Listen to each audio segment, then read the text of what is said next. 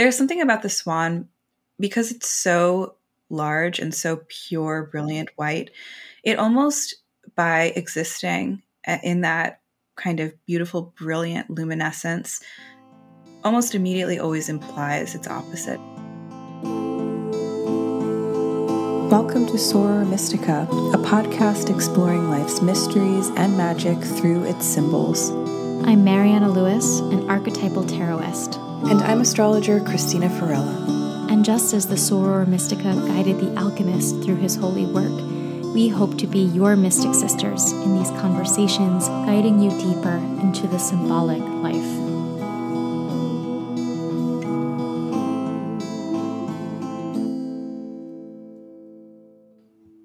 Hey, everybody, welcome to the 17th episode of Soror Mystica. Today, we are talking all about the symbol of the swan. And as uh, summer progresses, Christina and I have been looking at how the podcast is doing, and we are extremely thrilled that there's a lot of you out there listening. We've gotten so much good feedback. So, if you haven't given us your feedback yet, we'd really appreciate you leaving us a review either on Spotify or Apple Podcasts or wherever you do your thing. Um, it's it's really just been astonishing that people actually like us rambling about the things that we we're obsessed with. I never really would have imagined that people would have enjoyed it. I really thought that people would listen to one episode and be like, "These people are annoying," and and shut it off. But that's not no not way. happened thus far. At least not not for we're charming. Listeners. We're charming. I like that perspective. Um, I think that we like to talk about the things we like to talk about, and thank God there's other people who like to talk about them too. uh, um, all right, so let's jump into it. Why don't you tell me, uh, as always, what you're reading? Hello, everyone. Hello, Mariana. This Hello. week I am reading many various texts on Greek myth and hymn because mm. I'm in the hmm. middle of teaching my mythology for astrologers class, which is really, really fun and definitely a treat. So each week I've been providing people with um, just like PDFs basically of reading material from Ovid or from the Homeric hymns. Um, and so I just keep immersing myself in that world. And it's really lovely to be there and um, be thinking about the gods in that particular way. So, not too, not anything too specific, but just like a smattering of books that I keep tripping over or knocking down as I keep building piles in my office, which is fine. it's fine. um, but yeah, what are you reading? I am reading, I just started, well, I finished Babel by um, R.F. Kuang, I believe how you pronounce her name. Um, and I just started a new novel, which I found out was from the 80s, called uh, The Name of the Rose mm. by, I want to say, um, Echo. Eco, yeah. yeah, Umberto Eco. I don't know how I. That's like a perfect book for you, isn't it? Yeah. I didn't know anything about this until I was just googling good books, medieval scary. I don't know what I was looking for. And it popped up. Apparently, it was like a movie with uh, Sean Connery at some point too um, in the 80s. And it's basically a murder mystery set in a monastery in 14th century, I think, northern Italy. So, I mean, how could it be more perfect for me? But it's, it's really, really, really long. yes. Yep. So, yeah, mm-hmm. I'm only like 50 pages in. But so far, it's extremely self indulgent with all its medievalisms, which um, according to the reviews, is very annoying, but not to me. I love it. I want more medievalisms, please. I've read like half of that book years ago, and um, I know that that um, recently Mike asked me if you had read it. oh like, yeah, really? Like mm-hmm. yeah. So that's I love to hear that you are enjoying that because that's just very on brand. So yeah, that's great. That's really cool. that's so funny. yeah, it was because I, I, have this the um, thrift books mm-hmm. thing. I told you about this. If people don't know about thrift books, highly recommend thrift books. It's just an online used bookstore. Um, and the, it has like some program where you recommend, you know, to somebody, hey, buy a book through thrift books. And if they do, if they buy a book that's over $20, then you get a free book that's under like six bucks or something and and they get a free book and so I don't know, on some video or something one time, I was like, recommended a book and was like, hey, and you should buy it on thrift books because this is cool.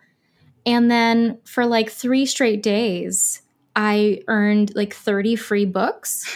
And so I don't know what happened. Amazing. Probably the YouTube algorithm like threw my video at a lot of people very quickly. And I don't know, maybe a lot of people bought the book I read. I really have no idea. It may have been like a system error, but I have many, many free books. So I keep trying, but I have to buy one in order to get the free one. So this is the scam. And I have stacked my library and I have another one coming today. I'm very excited. I don't remember what it you. is. Yeah. This is the great. only way to live life is just to be building endless piles of books that will one day collapse on us and kill us. And yeah. that is how we will die.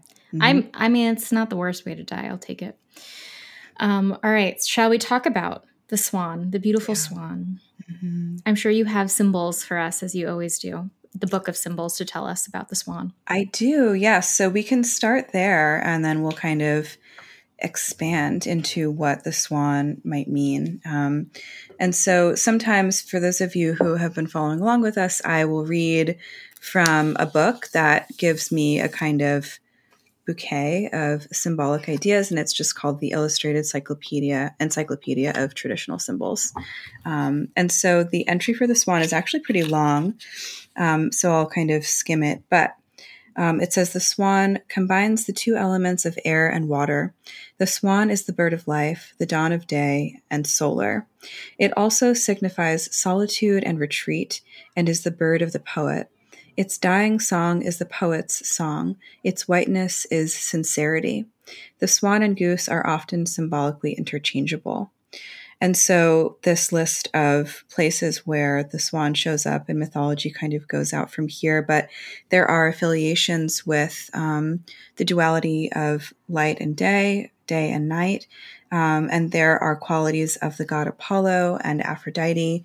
And there's even something about death and lamentation in the swan. So we have a lot of really interesting territory to expand into. And one of the things that I really enjoy most on this um, kind of continued conversation is when we get to touch in with nature oriented imagery, it just really piques my like earth sign mm-hmm. preferences and sensibilities. And I enjoy thinking about the ways that these um, creatures are just, you know, naturally occurring, naturally existing, and yet have so much poetic power behind them or mythic symbolic power behind them. I find that to be totally fascinating. So I'm excited to talk about a creature uh, today mm-hmm. in this, it's in our, this show. It's our first creature. We were mm-hmm. um, discussing that on our our mini vacay together, mm-hmm. which we got to do, which was a delight because you live on the other side of the world, which is terrible. Um, but we got we got a day or two at the beach. Yeah, uh, we sat by the ocean yeah. and complained bitterly for five hours straight. and read. we did, well, we pretended to read. Oh no, we held our books. We, we held now. our books. we held our books for like three hours, and we're like, "Are you going to read?" Because we can keep gossiping, and then we, we just, just, kept chatting. gossiping. Mm-hmm. And we uh, ate leftover pizza. And we saw someone catch a shark, and we it was did. terrible. That was horrifying. I was not about. And then I almost burned the, all the skin off my foot. Mm-hmm. That was the mm-hmm. only place I got burned because I always do that. I always just burn one random part of my body and nothing else. So, but it was a great day. Um, and we were like, we've never done animals. And so I'm really glad that we're doing the swan, starting with it, because we both got fed the same um, Instagram reel.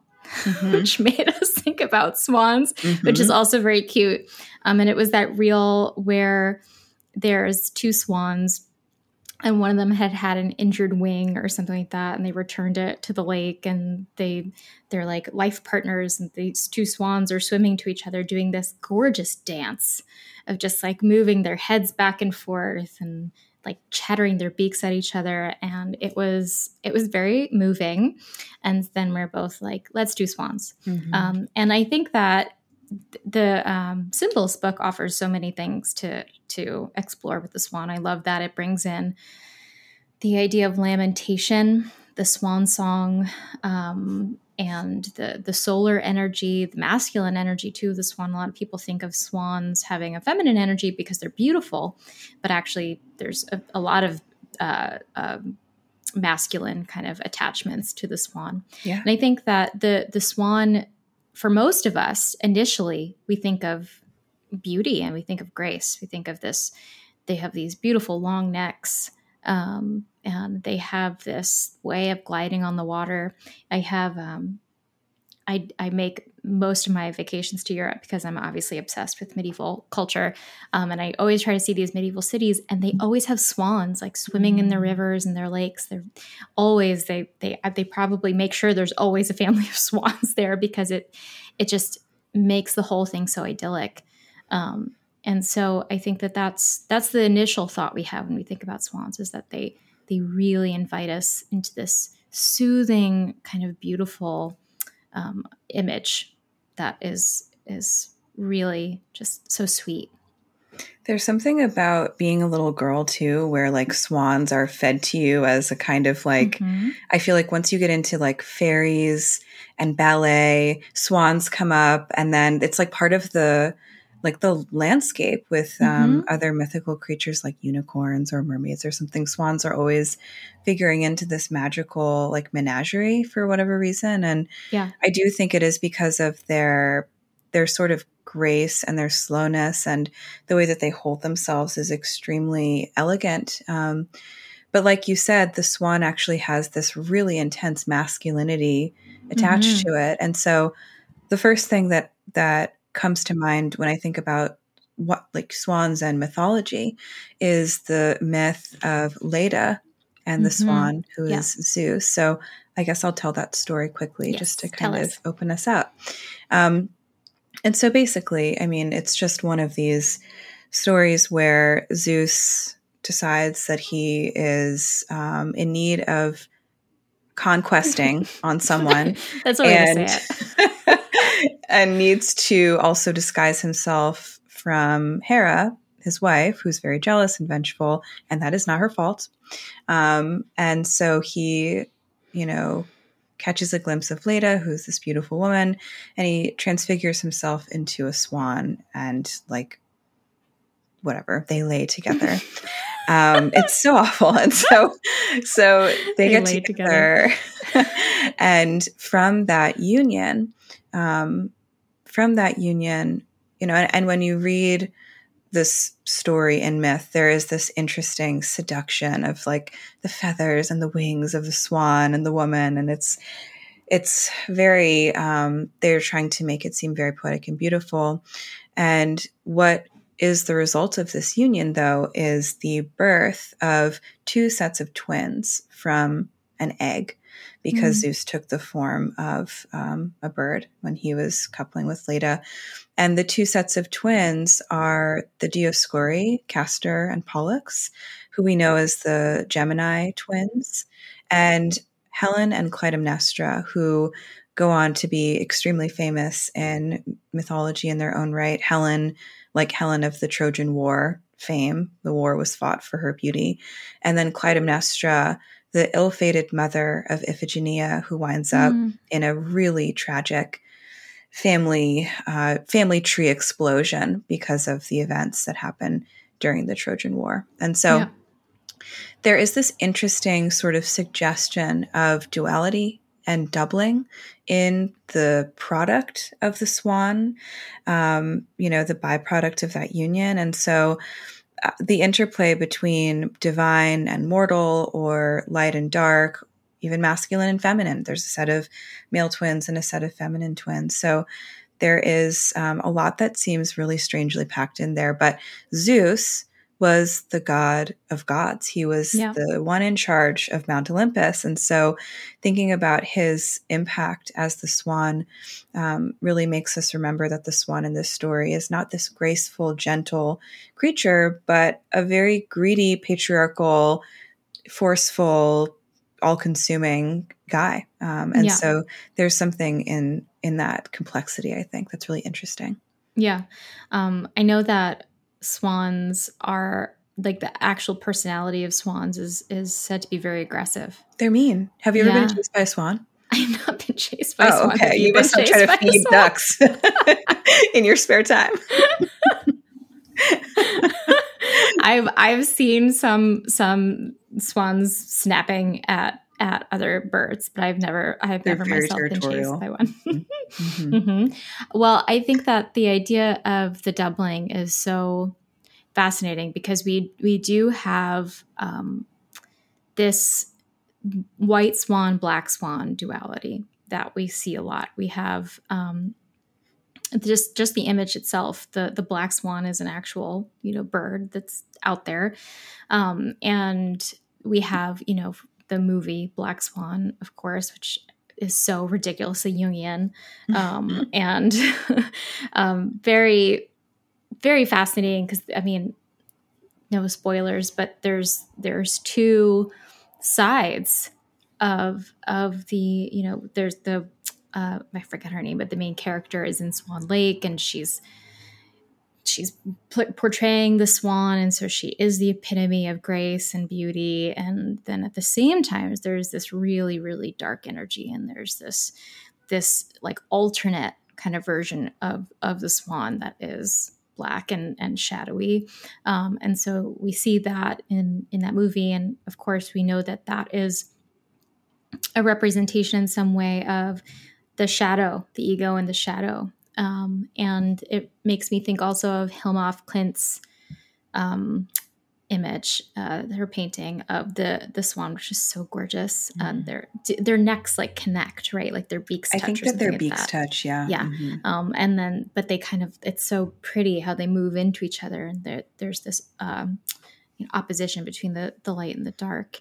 Um, and so I, I totally agree with you. There is something about this the black swan is also beautiful though. You know, it doesn't lose its beauty because it's it has this darkness about it. Um, I I've told you before. I when I was in um, undergrad, I was a vocal major. I was a classical singer person, um, and one of the uh, arias I was assigned was by Menotti from his um, opera The Medium and it's called Black Swan. And it's it's so dark, and I highly recommend people go listen to it. It is a beautiful aria, um, and it's basically a woman, and the the just the lyrics are stunning. It's like, you know, the sun has fallen and it lies in blood, and the moon is weaving bandages of gold, and the imagery is just so lush and, and exquisite.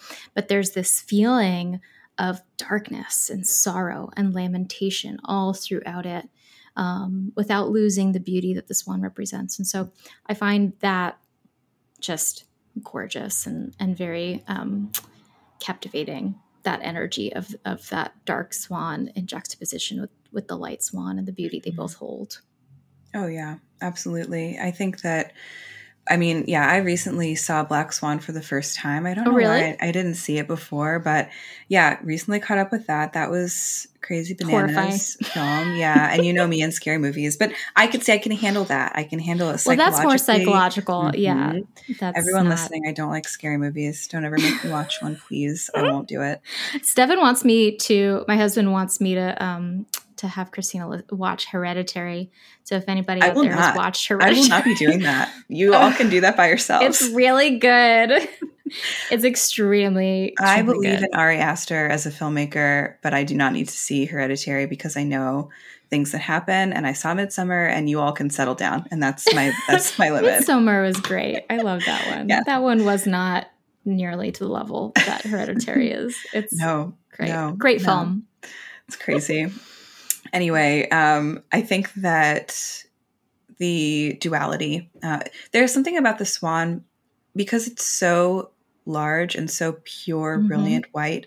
It almost by existing in that kind of beautiful, brilliant luminescence, almost immediately always implies its opposite. It's one of those things mm, that's like, yeah. this is so much what it is. This is so solar, this is so bright and dazzling that we almost always immediately reach for the opposite thing, at least I think in our symbolic imagination. And so, I love that. You know, Hilma painting the white swan and the black swan, but having their noses or their beaks touch implies this continuum between. Yeah. The, the binary of dark and light and i think that that's why the swan is so compelling because it does have this almost just like um, you know untouchable purity that's associated yeah. with it but then what there's we know from Jungian thought, from mythology, that everything always contains its opposite or traces of yeah. its opposite. So yeah. I think that that's something that's really fascinating um, mm-hmm. in that. Mm-hmm, in that yeah, I love how you said that. It's so it's so beautiful. It's it kind of points to this idea in Jungian psychology of the compensating um, kind of element function in which when we are too one-sided then we will naturally gravitate gravitate towards the opposite. And so having that like thinking of it as like when something is is really in itself that it contains its opposite is kind of you know I, I bring this up in in the tarot a lot. It's kind of like especially when i see it reversed cards it's almost like have we have we fallen so much into one side of things that now we're compensating for it with something else? Um, so I, I i really i really like that idea of the swan. You're right. There is something about it that is like pristine. Um, it's almost too beautiful. It's mm-hmm. like it's really hard to think of an animal that that has more of this quality of of perfect beauty than than the swan. We literally think of it whenever we're doing um, some kind of romantic thing on the lake like, have you ever gone to Central Park and done the rowboats? No, because I'm from the kind of New York family that never did anything that was like fun and touristy. Never been to the Statue of Liberty. Oh no, me neither. Never did the Circle Line. Anyway, well, I did yes. go to Statue of Liberty for a field trip. Mm-hmm. Um, I did in in college. Yeah, because we we were part of CUNY, which if people don't know what CUNY is, it's the City University of New York, and they're like, you have to be a true New Yorker, which means step one, going to Statue of Liberty because none of you have. like you so are true. You're right. none of us have. Um, so that was fine, but uh, no, um, my my husband took me on a date, one of our first dates actually, when I was like 18 or That's something very cute like that. of him it was i think it was our first anniversary like our first dating anniversary. It was very cute of him. I yelled at him a lot in advance that he had to do something very nice because he's a taurus.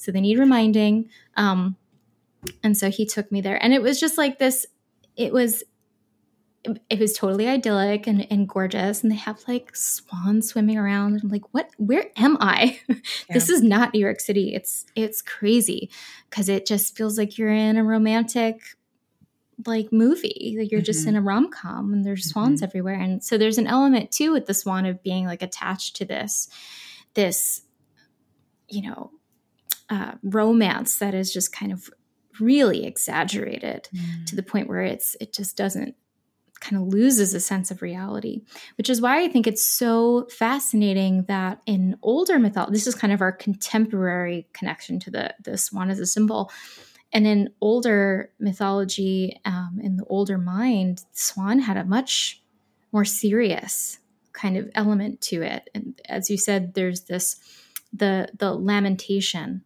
um, part of the swan, which we haven't really touched on that much yet. But there's this this part of the swan that speaks to you know with the idea of the swan song, this finality of things. Yeah, and um, you know, it's a lovely transition into this idea. So you know, we've kind of been opening up the the purity, the beauty of the swan, the um, the kind of solar qualities of the swan. The swan was also um, a kind of emblem of Apollo, the god of mm-hmm. the sun. The swan is also traditionally associated with Aphrodite, who is the goddess of love. Yeah. Um, and so there are all of these high romantic kind of associations with swans, but at the same time, again, leaning into the duality of life and death. The swan um, was thought to be a kind of herald of death, which is really mm. interesting to the ancient Greeks. The swan was thought to either there was two ideas here. The swan could sing its most beautiful song right before it passed away. And so if one heard a swan singing, it might mean that it was dying. And that's where we get the idea of the swan mm, song from. So that's pretty. where, yeah, it's really cool. Or if one heard a swan singing beautifully, it might be that someone else is dying. And swans mm-hmm. were thought to kind of lament and open the channel for the soul to pass through. And so that's something that we could obviously do a whole episode on the role of um, lamentation in the ancient imagination. But yeah. that is a powerful tool And it suggests that number one, the swan, as oriented to beauty and solar qualities as it is, also has a trace of Hades in it, which is interesting. And then also um, kind of like containing its opposite and being able to act as a kind of psychopomp or or a guide for a soul to escort it out of the day world and into the afterlife or to note the transition i think is really really interesting. So um, yeah i have a lot a lot of curiosity about lamentation in general. And so when i found that the swan had that role i was totally totally blown away and excited. But it makes sense with the black swan white swan story right? Yeah. Yeah absolutely. I i wonder where where um black swans are from i feel like i googled them at some point and they're from australia oh wow natively. Um, I don't know. I may have made that up. we can verify that. we can probably verify that at some point. Um, but yeah, I, I, I think that's also so gorgeous how, you know, lamentation you know you've you've done a lot of studies on on lamentation in the ancient world specifically in ancient greece i remember when i first met you, you were writing a paper for, I don't remember what class it was, but you were writing a paper on that. And it was, I was very smitten very quickly because my Scorpio self was like, she's writing a paper on death. cool. um,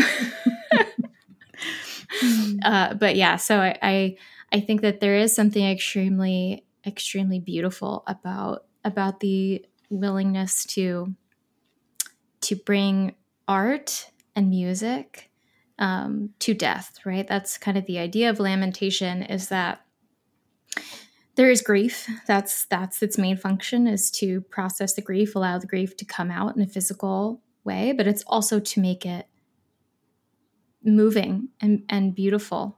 Um, and I think that that's that's kind of this idea of the swan singing um, to signify this this moment of death and the the passage of death. It brings that that tremendous grace and beauty to it. I always think of because i'm such a lord of the rings idiot um the, yeah uh, there's a scene and um i think the second one they all just blend into one at this point because I always just watch them all the way through. Um, but I think it's in in the, the two towers um, where some people have have passed away, and Eowyn um, goes out and she sings this this lament. Um, and she has no other voices with her. It's just her. Her voice is nice, but it's not that pretty. It's just kind of rough, and uh, it's it's one of the most moving like things and and that series for me watching that i always i always cry for no reason even though i don't care about about the moment it's like the song is what is is so like it, it releases the grief you know that we have mm-hmm. stored up mm-hmm. so i think that it's so special that this the swan has that has that element i've never actually heard a swan right so sing. this is this is one of those areas where i you know have come across this info and i'm wondering do swans actually make do they sing? Like what is this about? I needed to google this. I needed to like look for a youtube video of it and i didn't um oh but that's i was fine. really excited. I was like what no, is no. it? so i don't know if it's like a mythical thing saying oh they only they sing rarely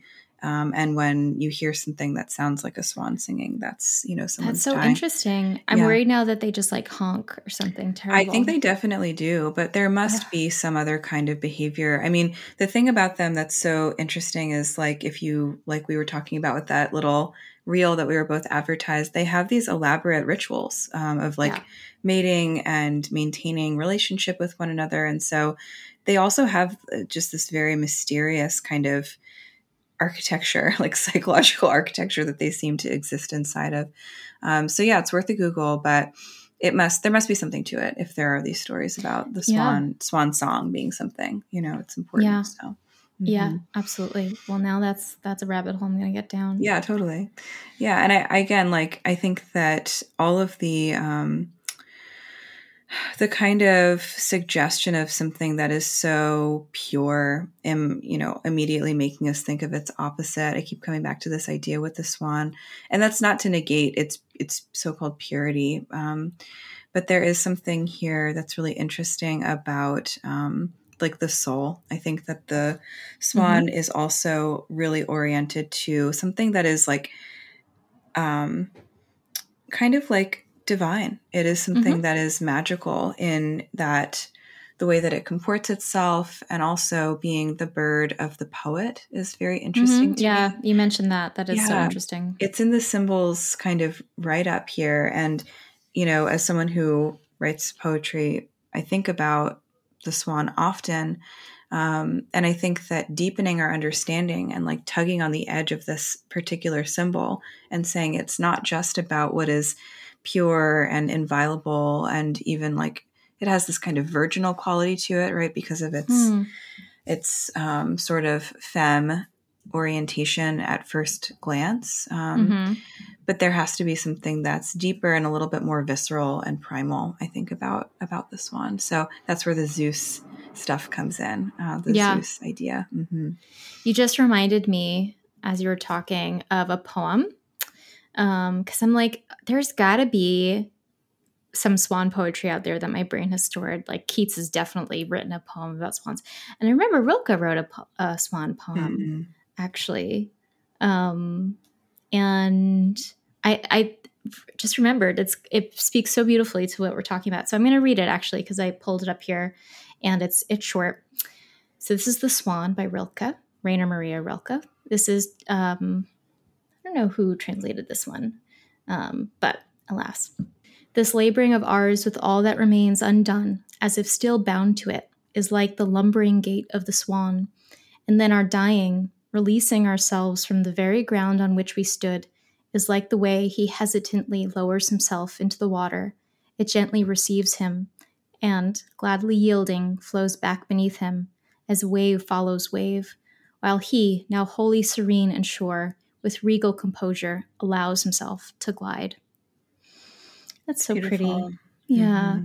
I think that that's, it's so, um, it's such a, a nice image. Rilke did a, one of his little like passion projects was to write these poems to animals. He has one to the panther and other ones. I, I've read a lot of them in the past.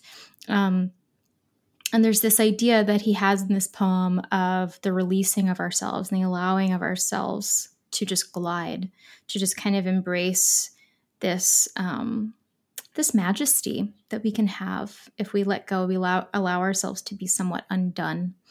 Um, and I think that that there's something about that in this one too. And another thread I want to pick up as well. You mentioned the word purity a few times. We we talked about this a little bit right before we jumped on. Um, but the swan is a bird that we see sometimes in alchemical imagery, um, and it's connected to as you you know you saw it, it's connected to the albedo and in in alchemy there's a lot of different alchemical steps. Different alchemists had different things that they wrote. But a lot of it kind of can be reduced down to these three main stages, which are albedo, nigredo, and rubedo, which means the whitening, the blackening, and the reddening. And this is also the basic formula for um, for our individuation work, which is what Jung was so interested in. He added a, a fourth element to that, which is called the citrinitas, which comes before the rubedo, which I like adding that in, which basically means the yellowing. Um, but this this movement is the the purification of ourselves, moving to the the kind of disintegration of ourselves, and then finally the transformation of ourselves.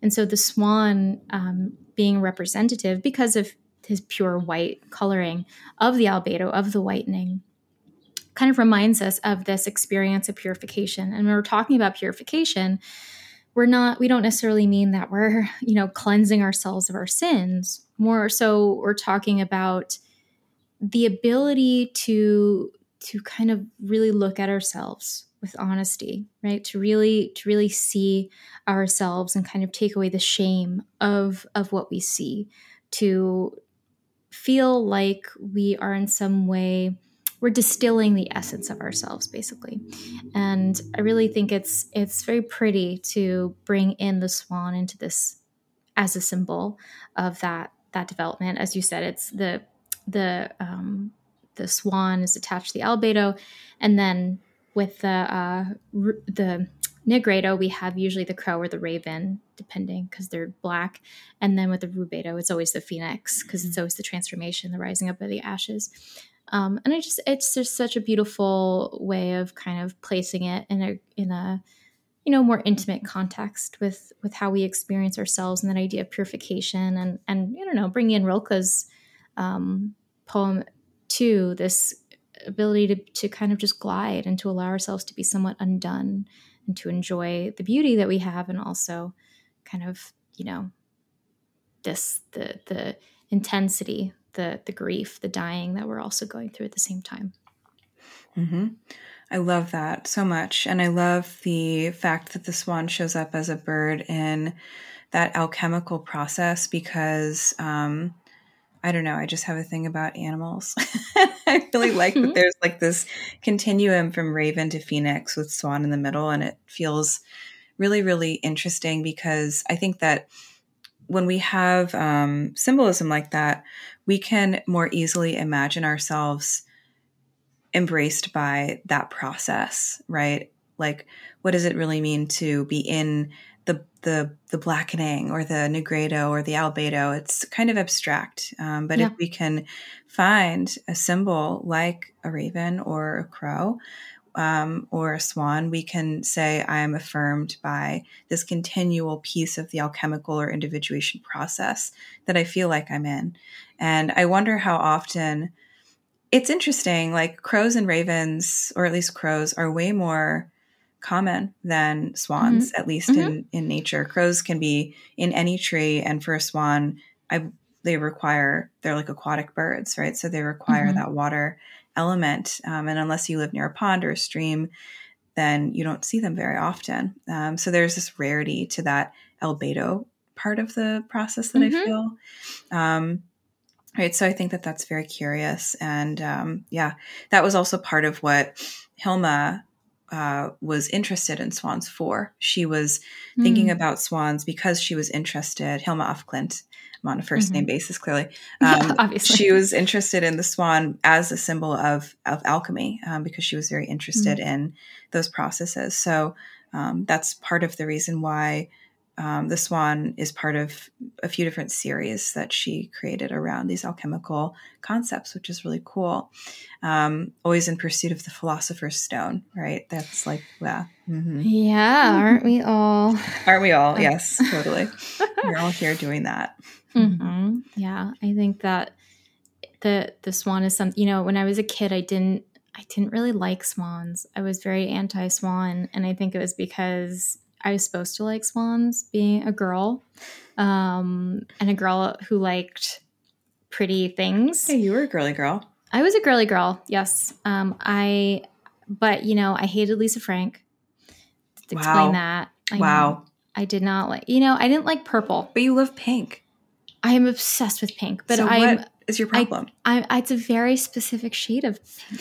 I do not care for hot pink or bubblegum pink. Mm-hmm. Those are horrible. What's your ideal pink?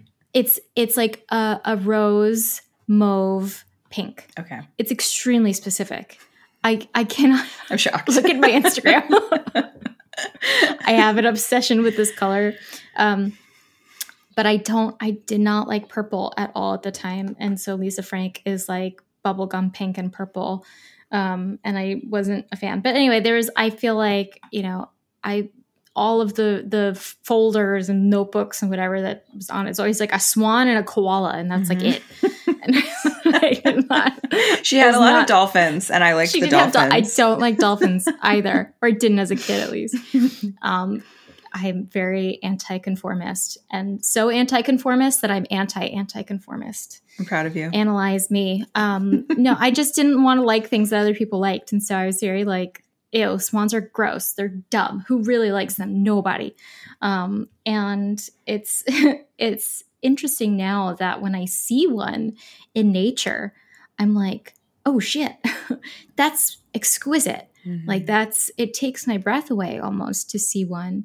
Um, and it's so strange too because they should be weird looking to us. Why are their necks so long? why why are they so big? They're scary that they're so big. You know, I uh, for my honeymoon, my husband and I went to Paris, then we went to London, and we were in I want to say we were in St. James Park.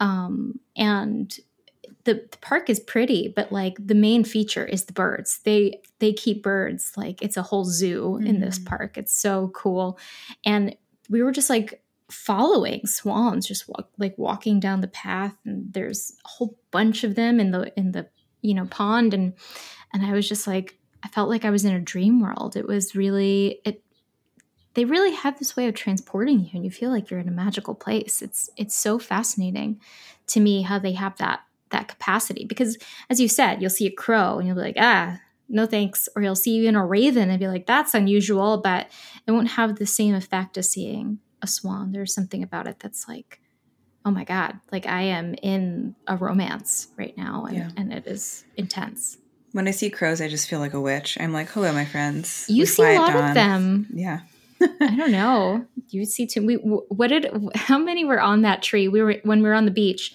There was oh um, oh an extremely creepy tree, uh, driftwood tree that someone had stuck in the sand, obviously to do some kind of medieval torture um, to a witch, probably. And uh, there were just crows sitting on top of it, and I was like, "Oh dear." I think that there were four I think that there were four. Am I wrong? I don't I don't remember exactly. Yeah. We have to find I have to source where this is. I think it's in the uh what's that Welsh book of the Mabinogion. Thank you. Wow, that was very quick. gotcha. um, I could every time I try to pronounce it, I I don't know if I'm, I'm saying it right at all. Through. I'm probably butchering know. it. um, but th- I think it's in that where they're like they have the little nursery rhyme about what it means when you see certain numbers of crows mm-hmm. and it's mm-hmm. very specific and it's like if you see two crows it's you're dead and it's mm-hmm. like very mm-hmm. intense i don't know if that's true but yeah celtic um, mythology has so much bird stuff in it and yeah. i think that that's really fascinating um, yeah. yeah. i'm reading in the symbols book for the celtic um, myths swans are solar beneficent they possess the therapeutic powers of the sun and their music is magic. Swans with gold or silver chains around their neck hmm. are the supernatural appearance of the divine. So I don't know how swans are getting necklaces in the wild, but maybe in ancient Wales they are wearing jewelry. Uh, but that's very uh, beautiful. Mm-hmm. That is. I, I think that that's that's something very special to see. I'll look for swans with with jewelry. Um, but yeah, so I think that we've we've covered a lot of of gorgeous things about the swan. There was more to the swan than I thought there would be. I was kind of like, where are we going to land? It's going to be like they're pretty, um, but no, there's so much to them. We'll always find the death in the symbol and talk about that, so you don't have to worry. It's fine. Yeah, well, that's why we're friends because we like to talk about death, mm-hmm. um, but not really. Not really. Not really. we actually just like to talk about cats. That's really what we like to talk about. mostly. Um, but yeah, the the swan is such a rich, rich symbol, and there's so many layers to it. And there's this. I love that we pulled out this sense of duality and the light and the dark and the beauty and the masculinity, the solar kind of purity of it. We we pulled out so many threads. So maybe now is a good time to head over to to a dream symbol. Let's do it. If you're enjoying this podcast, we encourage you to leave a review or learn more about how you can support us on Patreon, where you can get access to some exciting exclusive offerings. Or you can connect with us by sharing a symbolic experience, whether from a dream or synchronicity, for us to explore on the show. Thank you to today's sharer, and please tell us your symbolic experience or connect with us on our website, sorormysticapodcast.com. Are you a small business looking to reach a targeted audience of people interested in all things esoteric? If this sounds like you, Soror Mystica would love to invite you to become an ad partner. We offer a highly tailored audience of mindful, curious, depth seeking listeners, and we would be delighted to showcase your business and offerings to new hearts and new minds. Simply fill out an advertiser application form at our website, linked in the show notes below, or navigate to sorormysticapodcast.com forward slash advertise with us. Moon Magic is a spiritual wellness center located in northern New Jersey, and owner Karen Foot is a spiritual intuitive healer whose passion is to empower her clients by connecting them to their authentic selves. She offers distance healing sessions, which incorporate Reiki healing combined with a chakra reading report, crystal healing, and oracle card reading. Her in person sessions include all of that, plus hands on Reiki, massage, and craniosacral therapy. I don't know about you, but this all sounds so delightful to me, so make sure you check out her offerings at moonmagicwellness.com. Looking to ground and enrich your manifestations and release any stagnant or negative energy that may be causing resistance? This could be a great opportunity to receive supportive Reiki and intuitive energy healing from Tangerine Sage Healing. Stephanie creates a serene capsule for Usui and Holy Fire Reiki, intuitive energy healing, and multidimensional intuitive guidance readings for those who are seeking relief and are ready to ground newfound inspiration and abundant manifestation into one's most authentic self and life. Use code Tangerine Sage at checkout to receive 25% off your first session when you book at tangerinesagehealing.com. And I am myself a loyal client of Tangerine Sage. So once you've booked your session, go over to our Instagram at Mystica Pod and let us know that you've done so, and we'll send you a free archetypal tarot meditation kit as a gift to you. So go ahead and check out tangerinesagehealing.com.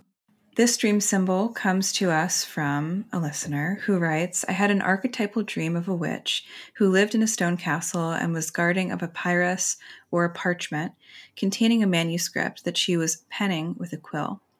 I asked her for her wisdom because I knew she was a witch and thought naturally she'd have something to share about the cosmos. She shouted at me, It's too late. As soon as she had said that, I woke up. It began as such a tranquil dream, but quickly turned ominous with her voice. I'm still trying to figure out what was too late and what kind of message this dream had.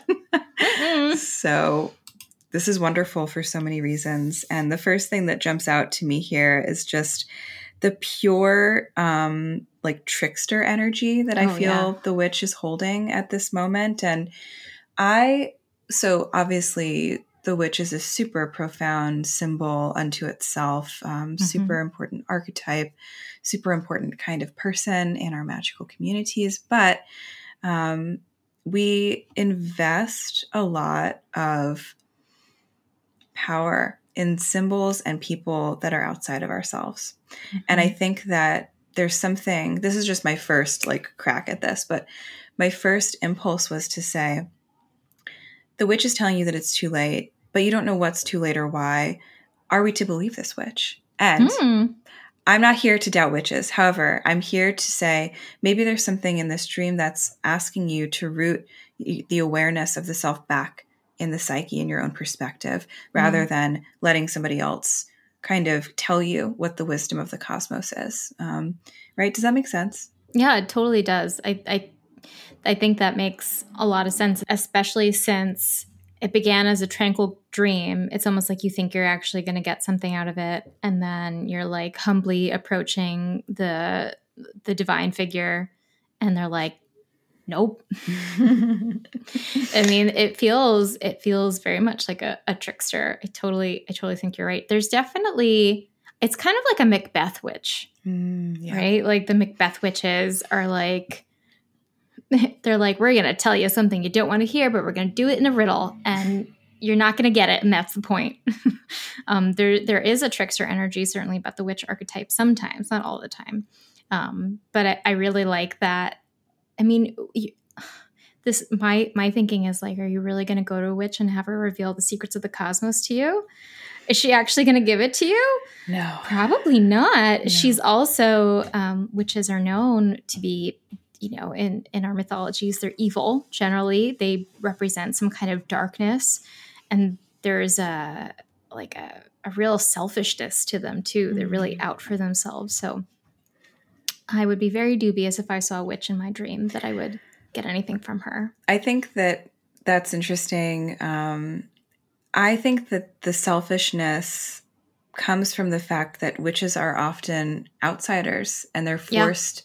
To fend for themselves. And so to go to a witch and say, please help me figure out this mystery, she's already put in the energy to figure it out for herself. So she wants you to do the same thing. And so she's trying mm. to scare you mm. off and say, it's too late because someone probably said that to her once. And so I think for our listener, um, you know, I don't know if anything in particular was too late, but it might be a good opportunity to check in with who are you giving who are you giving um, authority to in mm-hmm. your psyche, right? Mm-hmm. I think it's also interesting that she's like writing a manuscript or she's guarding oh, yeah. like a papyrus, and that's to me like the quill and the pen is a symbol of Mercury, who is also mm-hmm. a face of the mm-hmm. trickster archetype, and so yeah. I feel like this was like a daimonic trickster in disguise as a witch in your dream. And absolutely. yes it's like approaching the oracle um, but it's actually not an oracle. It's a it's a fake out. So fake i out. i, wouldn't worry about this yielding a lack of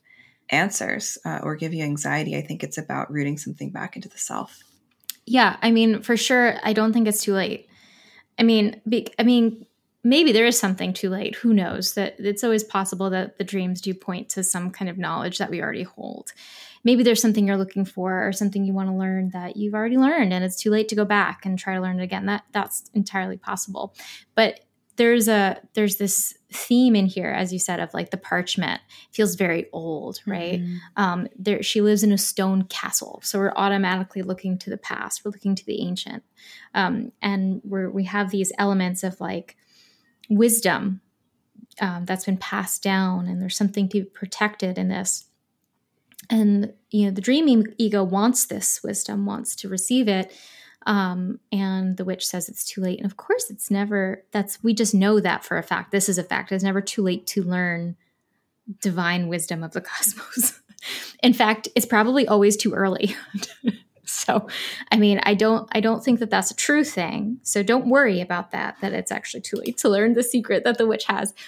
But i do i am curious with you of what why she says it's too late. Why doesn't she say it, you know you don't get to have it. You're not good mm. enough. Or you know i don't want to talk to you anymore. Or the door is shut in your face. Or, or some other way of blocking you out from this wisdom. Why is it too late? And that idea is something that I would highly recommend that you ponder not not so much you know whether you're too late to actually receive this wisdom but what is that that phrase? Just taking the phrase itself what does too late make you think of? Um, you know one of the things that jungians like to do sometimes is they'll they'll kind of break down the image in a lot of funky ways you know so they'll they might even say something like okay too and late let's look at them as words look at the etymologies even. They can do wild things sometimes. It's very fun. Um, but this idea of too late why are you too late? What does that make you feel like? Is there a pressure maybe in your life that you feel like you have to you really have to master this thing or that time is running out for you in some way? Um, that might be a question that i would offer for you to to ponder.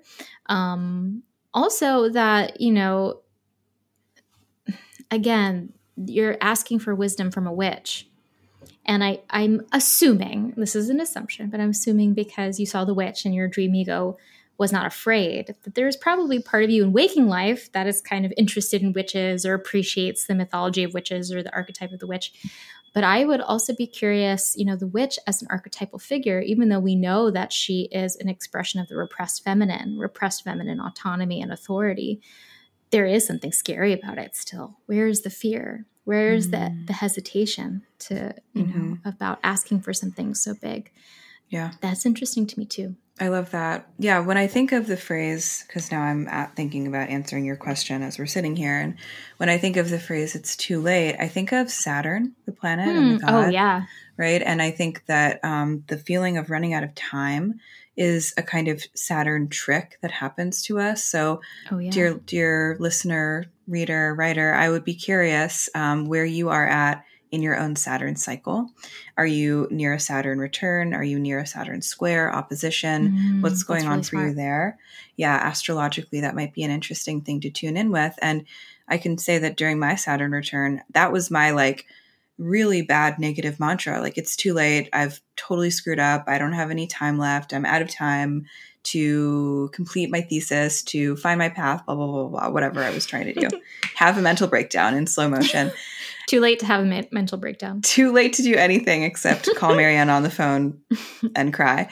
And so but it's not true right? So that's the thing mm-hmm. as well and that's the other i think beautiful message that comes from tools like tarot and astrology is that it's really honestly usually not too late for whatever it is we're trying to discover or find. Maybe we have missed one angle of an opportunity, yeah. but we are always in process with these questions. And so um, I think that figuring out how to dispel the anxiety of things really being too late is uh, also part of something that the dream is offering you the opportunity to do. So, yeah, Mm-hmm. Said so beautifully. I I really like this dream. I think it's something to continue to sit with. You described it as an archetypal dream, so it obviously felt like it had some power for you. Um, and maybe active imagination would be interesting. She would probably just tell you it's too late again and shut the door in your face. It, it could be. Um, but I, I think that exploring the witch less is the witch and more is the trickster. I mm-hmm. think that mm-hmm. you're right, Christina, that there's something about this trickster trickster energy dressing up as in a way that you might have some reverence for, but it's actually the trickster kind of in disguise. Not totally in disguise because the witch can also be a trickster too in some ways, but there's just something about it that feels like because the point of the trickster, and we will have an entire episode on this. Yeah, clearly we, we need to feel like we can not it won't ruin our lives. Um, the the whole the whole thing with the trickster is that it tricks you in order to shift the perspective dramatically in a way that you really didn't anticipate. So it's supposed to mess you up a little bit. It's kind yeah. of the point. So I would, you know, there's this this old feeling of like there is ancient wisdom here in the castle on the parchment, you know, and it's like, no, you don't get it. it doesn't matter. Go away. Um, I don't know. I'm delighted. I want to meet this witch. She sounds cool. Yeah, that's a great dream. Thank you so much. Yeah. yeah. Okay, lovely. So, um, thanks everybody for listening to our Swans episode and, uh, you know, letting us explore it beside you. Um, as always, if you have a moment, we'd love for you to leave us a review somewhere, wherever you get your podcasts. We are, we're growing a little bit. It's really cool. It's very exciting. So, we would appreciate your input and we hope you, you know, follow us on Instagram and, and do the things and we'll see you next time. Thanks, everyone. Take care.